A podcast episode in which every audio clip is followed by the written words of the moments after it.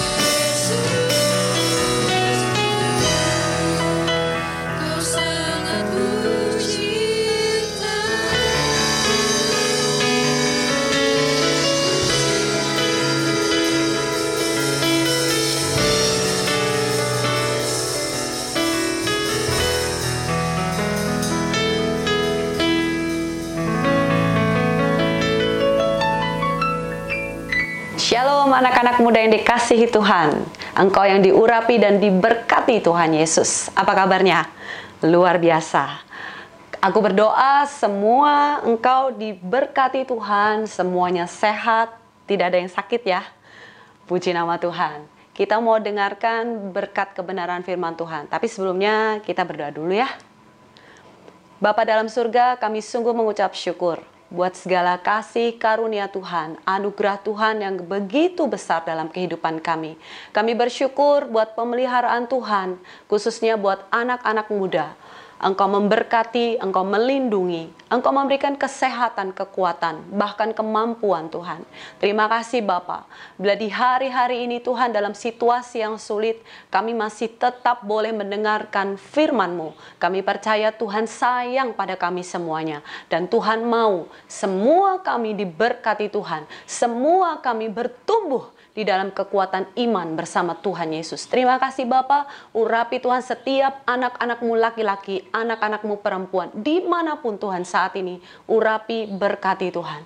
Di dalam nama Tuhan Yesus kami siapkan hati kami untuk terima berkat kebenaran firman-Mu. Haleluya. Amin. Ya, Shalom adik-adikku yang dikasih oleh Tuhan. Hari ini kita akan membahas ya tepatnya sharing firman secara sederhana saja. Kita akan buka bersama-sama dalam firman Tuhan dalam Matius 24 ayatnya yang ke-12, 13 dan 14. Saya akan bacakan. Matius 24 dan karena makin bertambahnya kedurhakaan, maka kasih kebanyakan orang akan menjadi dingin. Tetapi orang yang bertahan sampai pada kesudahannya akan selamat dan Injil kerajaan ini akan diberitakan di seluruh dunia menjadi kesaksian bagi semua bangsa. Sesudah itu barulah tiba kesudahannya. Hari ini aku akan sharing akan firman Tuhan dengan satu tema. Fokus pada panggilan Tuhan. Haleluya. Kenapa kita harus fokus pada panggilan Tuhan?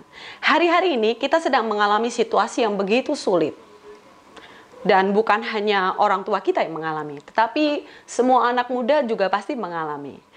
Dari anak-anak kecil sampai dewasa sampai lanjut usia, bahkan anak-anak remaja pasti mengalami situasi yang tidak enak. Biasanya kita bisa berkumpul, biasanya kita bisa ngopi bareng, bisa nongkrong bareng, bisa sharing, bisa ngumpul, tapi sekarang nggak bisa dan kita dipaksa untuk ada di rumah. Tapi ada banyak hal berkat yang bisa kita dapatkan, ya kan? Kita bisa berkumpul bersama keluarga kita. Kita bisa berkumpul dengan mama, dengan papa, dengan kakak, dengan adik dan kita bisa bangun mesbah keluarga, mesbah doa keluarga bersama-sama. Kita bisa memperbaiki hubungan yang selama ini rusak. Mungkin selama ini kita nggak berkomunikasi dengan mama papa kita, dengan kakak adik kita karena ada sesuatu yang menghalangi atau ada sesuatu yang rusak selama ini. Tapi hari-hari ini ternyata Tuhan mengizinkan loh kita untuk dipulihkan. Kita mengalami pemulihan itu. Nah, guys, sekarang apa sih ya maksudnya? Kenapa Tuhan mengkondisikan kita dalam situasi yang seperti ini. Satu hal yang saya masih ingat begini, mungkin orang-orang yang menghadapi situasi seperti ini akan bicara, Tuhan maunya apa sih? Kenapa situasinya begitu rumit dalam hidup saya? Kenapa begini? Kenapa begitu? Lalu kita mulai mempersalahkan si A, mempersalahkan si B, lalu kita mulai cari-cari sebenarnya Tuhan itu peduli nggak sih sama kita? Sebenarnya Tuhan itu sayang nggak sih sama kita? Tapi satu hal yang kita harus percaya, bahwa segala sesuatu yang boleh boleh terjadi itu semua atas izinnya Tuhan. Itu semua ada dalam rancangan dan rencana Tuhan. Dan kita harus percaya akan firman Tuhan bahwa segala sesuatu yang terjadi mendatangkan kebaikan buat setiap kita, bahkan termasuk kamu dan juga saya semua akan mendatangkan kebaikan karena Tuhan punya rancangan yang begitu ajaib, begitu besar dalam kehidupan kita. Nah, hari ini akan saya bahas lebih detail untuk hal itu. Kenapa Tuhan izinkan? Karena satu, Tuhan punya tujuan yang besar dalam hidup kita. Dan bagian kita, fokuslah pada tujuan Tuhan. Fokuslah pada panggilan Tuhan dalam hidupmu, dalam hidup saya. Nah, saya akan ingatkan akan firman Tuhan dari Matius 28 yaitu tentang perintah untuk memberitakan Injil. Ini amanat agung Tuhan Yesus atas setiap kita orang-orang percaya. Kenapa kita diselamatkan? Karena ini sebenarnya Tuhan selamatkan kita, Tuhan panggil kita karena ada satu hal, ada satu tujuan Tuhan yang begitu mulia untuk semua orang dan kita masuk dalam rancangan itu. Itu hal yang luar biasa, anugerah yang begitu besar. Saya akan bacakan buat kita semuanya. Yesus mendekati mereka dan berkata, Kepadaku telah diberikan segala kuasa di sorga dan di bumi. Karena itu, pergilah, jadikanlah semua bangsa muridku, dan baptislah mereka dalam nama Bapa dan Anak dan Roh Kudus. Dan ajarlah mereka melakukan segala sesuatu yang telah kuperintahkan kepadamu. Dan ketahuilah, Aku menyertai kamu senantiasa sampai kepada akhir zaman. Ini luar biasa loh. Ini perintah Tuhan untuk semua kita. Kita diselamatkan, kita dipilih dari berjuta orang. Kita dipilih diselamatkan untuk satu tujuan besar. Karena Tuhan mengizinkan kita untuk masuk dalam rancangan Tuhan, menjadi partnernya, menjadi rekan sekerja Tuhan untuk pergi memberitakan Injil Jadikan semua bangsa muridku, baptis mereka dalam nama Bapa dan Anak dan Roh Kudus. Ajar mereka melakukan segala sesuatu yang telah kuperintahkan kepadamu. Dan ketahuilah, ini yang membuat kita bersuka cita, yang membuat kita berharap kepada Tuhan, dan yang membuat kita tidak gentar untuk melakukan perintah ini. Dan ketahuilah, aku menyertai kamu senantiasa sampai kepada akhir zaman. Itu yang di awal tadi saya bilang kita fokus pada panggilan. Fokuslah pada panggilan Tuhan. Apa pun yang terjadi, situasi apa pun yang terjadi hari-hari ini, fokuslah pada panggilan Tuhan.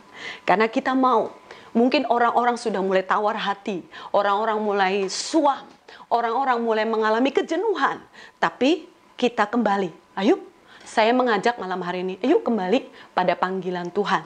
Karena kita dipilih, dipanggil Tuhan untuk melakukan ini.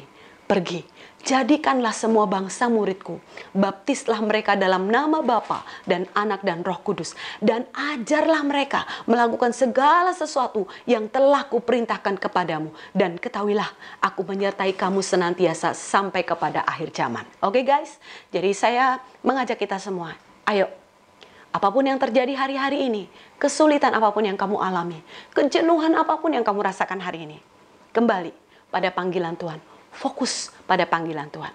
Lalu, apa guys yang menjadi tugas kita? Supaya karena kita tahu tugas kita, panggilan kita mengerjakan amanat agung Tuhan Yesus. Yang pertama, satu, kamu harus dipenuhi Roh Kudus. Ya, kamu dan saya harus dipenuhi Roh Kudus. Karena firman Tuhan dalam Kisah Rasul ayat Kisah Rasul 1, maaf, Kisah Rasul 1 ayat 8 dikatakan seperti ini. Tetapi kamu akan menerima kuasa kalau Roh Kudus turun ke atas kamu dan kamu akan menjadi saksiku di Yerusalem dan di seluruh Yudea dan Samaria dan sampai ke ujung bumi. Jadi yang pertama, kamu dan saya, kita semua anak-anak mudanya Tuhan harus dipenuhi Roh Kudus. Karena Tuhan janji Tuhan sendiri yang berikan roh kudusnya atas kita. Supaya apa? Supaya kita jadi saksi.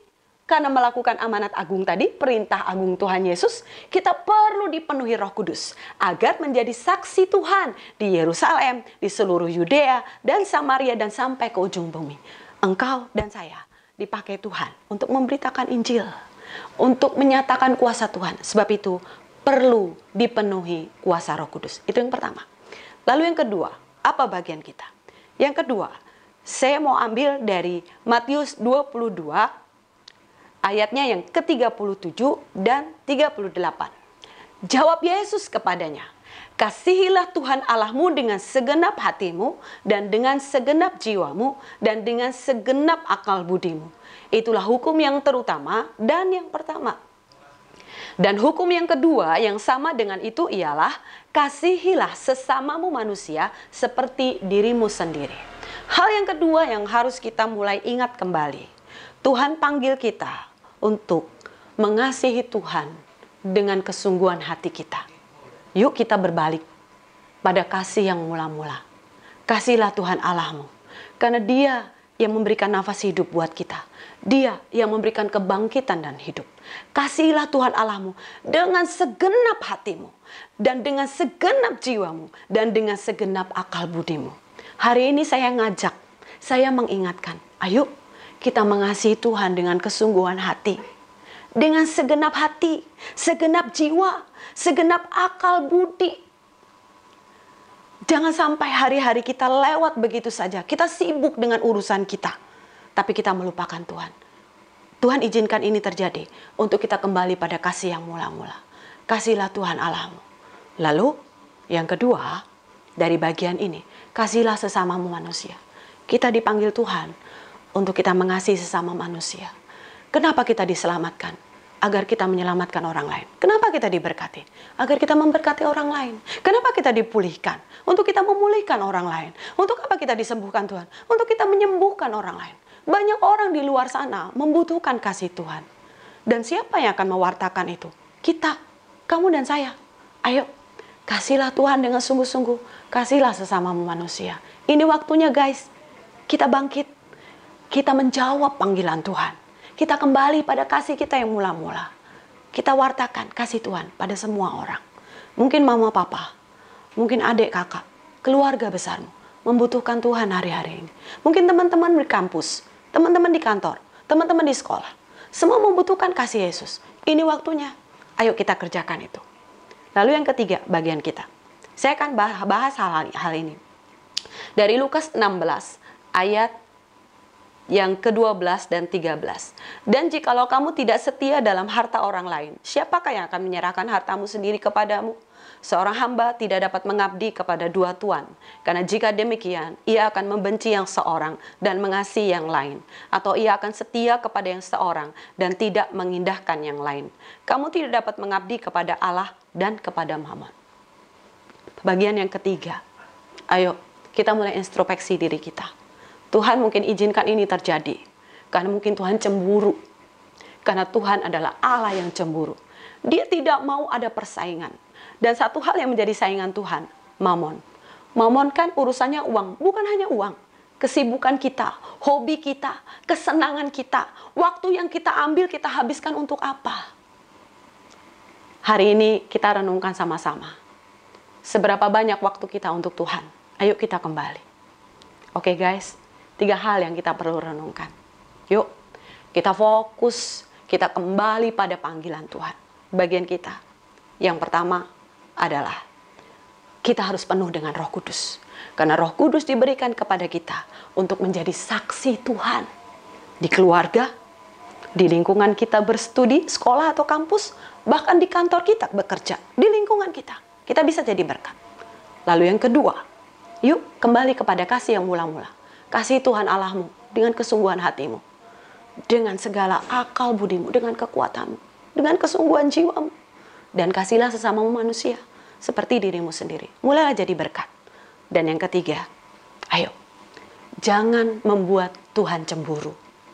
Hidupmu dari Tuhan untuk Tuhan. Ini renungan dari aku. Dan ini sangat memberkati hidupku. Dan aku percaya, itu pun pasti akan memberkati hidup kalian semua. Kita akan nyanyi satu lagu. Dan lagu ini akan mengakhiri untuk renungan singkat hari ini. Dan nanti kita akan berdoa bersama-sama.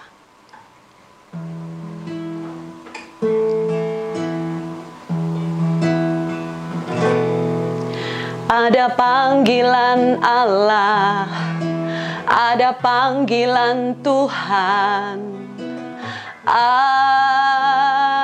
atas bangsaku.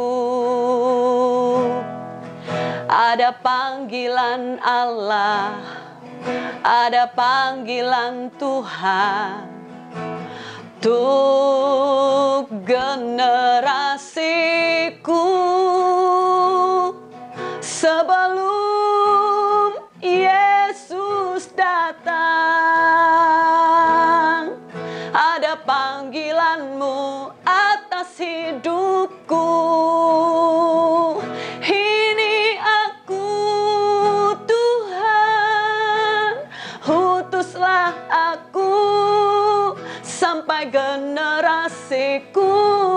diselamatkan.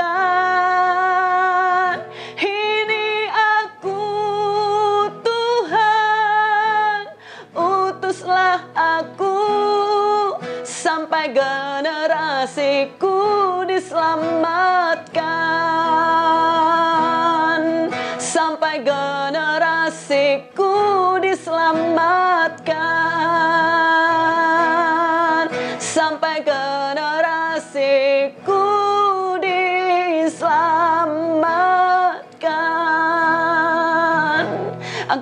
Mengerti bahwa engkau adalah salah satu dari sekian juta anak-anak manusia yang dipilih oleh Tuhan. Engkau boleh mengangkat tanganmu di mana pun kau berada saat ini. Engkau boleh berkata kepada Tuhan, Tuhan, ini aku Tuhan. Utus aku Tuhan, pakai aku Tuhan, karena aku mau jadi berkat di mana pun aku berada, baik di dalam rumah keluargaku, rumah tanggaku, baik di keluarga besarku, maupun di kantorku, di sekolahku, di kampusku, di lingkungan aku tinggal, di mana pun Tuhan, pakai aku Tuhan Yesus, karena aku percaya Tuhan, ini panggilan Tuhan atas hidupku, ini rancangan besar Tuhan atas hidupku atas anak-anak muda khususnya. Karena di hari-hari ini Tuhan sedang bangkitkan generasi Yeremia. Tuhan sedang bangkitkan anak-anak muda. Mari Tuhan, kami percaya Tuhan sudah mencurahkan roh kudus atas setiap kami orang percaya. Penuhi kami dengan roh kudus. Beri kami kuasamu, beri kami mujizatmu, beri kami kesembuhan. Sehingga kami menjadi saksimu yang maksimal Tuhan. Di mana pun Tuhan utus kami, nyatakan kuasamu. Kami akan bergerak menjadi alat Tuhan, menjadi berkat Tuhan. Kami akan mewartakan berita Injilmu Tuhan dengan disertai kuasa roh kudus, mujizat dan kesembuhan. Dan yang kedua Tuhan kami berjanji Tuhan Biarlah kami Tuhan mengasihi Engkau dengan segenap hati Dengan segenap jiwa Dengan segenap akal budi kami Dengan segenap kekuatan kami. Kami mau kembali pada kasih kami yang mula-mula. Kami mau kembali mengasihi Tuhan lebih dari apa pun. Dan kami mau mengasihi sesama kami Tuhan. Karena Engkau Tuhan Yesus mau mati di kayu salib Bangkit dari antara orang-orang mati karena Engkau mengasihi semua orang. Dan kami mau Tuhan salah satu dari orang-orang yang Kau pilih kami mau Tuhan menjadi saksimu untuk kami mengasihi semua orang agar kasih Tuhan boleh dirasakan oleh semua orang dan keselamatan boleh terjadi atas semua orang. Dan yang ketiga Tuhan ampuni kami kalau di hari-hari yang lalu kami melupakan Tuhan Bahkan kami menyampingkan Tuhan. Kami menomor sekiankan Tuhan. Kami membuat Tuhan cemburu. Karena kami memakai waktu kami untuk hal yang lain. Kami sibuk dengan perkara yang lain. Bahkan kami melupakan urusan Tuhan. Melupakan urusan perkara-perkara rohani. Saat ini Tuhan kami mohon ampun. Kami janji Tuhan. Sebagai anak-anak muda yang diberkati Tuhan. Anak-anak muda yang mau dipakai Tuhan. Kami mau Tuhan memperbaiki, memulihkan diri kami. Kami mau pakai waktu kami Tuhan untuk kemuliaan namamu. Karena hidup ini adalah dari Tuhan, untuk Tuhan, bagi Tuhan. Terima kasih Bapak. Berkati Tuhan anak-anak mudamu, anak-anak laki-lakimu, anak-anak perempuanmu, di mana pun Tuhan, berkati. Ini waktunya Tuhan bangkitkan generasi Yeremia. Tuhan aku berdoa dari tempat ini untuk semua anak-anak muda, berkati dengan roh kudusmu, berkati dengan kuasamu, berkati dengan mujizat dan kesembuhan. Sehingga ketika mereka mewartakan Injil, mereka melaksanakan amanat agung, mereka disertai dengan kuasa Tuhan. Dan engkau yang berjanji Tuhan Yesus, sertai kami, sertai kami Tuhan sampai akhir zaman. Dan Tuhan, kami percaya Tuhan, ketika Tuhan Yesus datang yang kedua kali, Tuhan mendapati iman ada di dalam diri kami. Tuhan mendapati kami lima gadis yang bijaksana. Tuhan mendapati kami siap sebagai umat yang layak, siap menyambut kedatangan Tuhan Yesus yang kedua kali. Terima kasih Bapa, segala hormat, pujian, kemuliaan hanya bagi Yesus Kristus Tuhan. Haleluya. Amin. Demikian renungan singkat firman Tuhan hari ini. Tuhan Yesus memberkati engkau di mana pun engkau berada. God bless you all. Kita akan mengakhiri untuk ibadah youth dan ibadah GC online hari ini. Kita akan berdoa bersama-sama. Tuhan terima kasih, kami bersyukur buat hari ini, buat kesempatan yang Tuhan berikan untuk kami boleh beribadah Sungguh luar biasa Tuhan, Meskipun dalam situasi kondisi yang seperti ini kami masih tetap bisa beribadah, itu anugerah Tuhan, itu kasih karunia Tuhan yang begitu besar. Dan kami melihat Tuhan begitu sayang pada setiap kami, anak-anak muda Tuhan. Dan Tuhan hari ini Tuhan Yesus, kami berdoa untuk hamba-hamba Tuhan, para pemimpin rohani kami. Berkati Tuhan Yesus. Berikan hamba-hambamu hikmat, berikan kekuatan. Engkau yang terus menolong para hamba-hamba Tuhan. Tuhan juga berkati pemerintahan kami Indonesia. Berkati Tuhan. Engkau menolong Tuhan setiap anak-anakmu di mana pun berada. Setiap keluarga rumah tangga di mana pun berada berkati. Dan teristimewa anak-anak mudamu Tuhan. Berkati Tuhan. Kami percaya setiap anak-anak muda yang mengandalkan Tuhan. Yang berharap penuh hanya kepada Tuhan. Tuhan yang akan memberikan keberhasilan dan keberuntungan. Bahkan Tuhan memberikan masa depan yang penuh dengan pengharapan. Dan kami percaya perlindungan Tuhan, penyertaan Tuhan sempurna atas setiap kami. Terima kasih Bapa, kami mengakhiri ibadah ini Tuhan hanya di dalam nama Tuhan Yesus Kristus. Siapkan hatimu, angkatlah tanganmu, arahkan hatimu kepada Tuhan. Terimalah berkat Tuhan. Kasih karunia, damai sejahtera, kebajikan kemurahan Allah Bapa menyertai engkau, memberkati engkau dari sekarang sampai Tuhan Yesus datang yang kedua kali menjemput semua orang percaya, bahkan sampai kekal selama-lamanya. Engkau yang percaya dan diberkati Tuhan katakan, amin. Tuhan Yesus memberkati.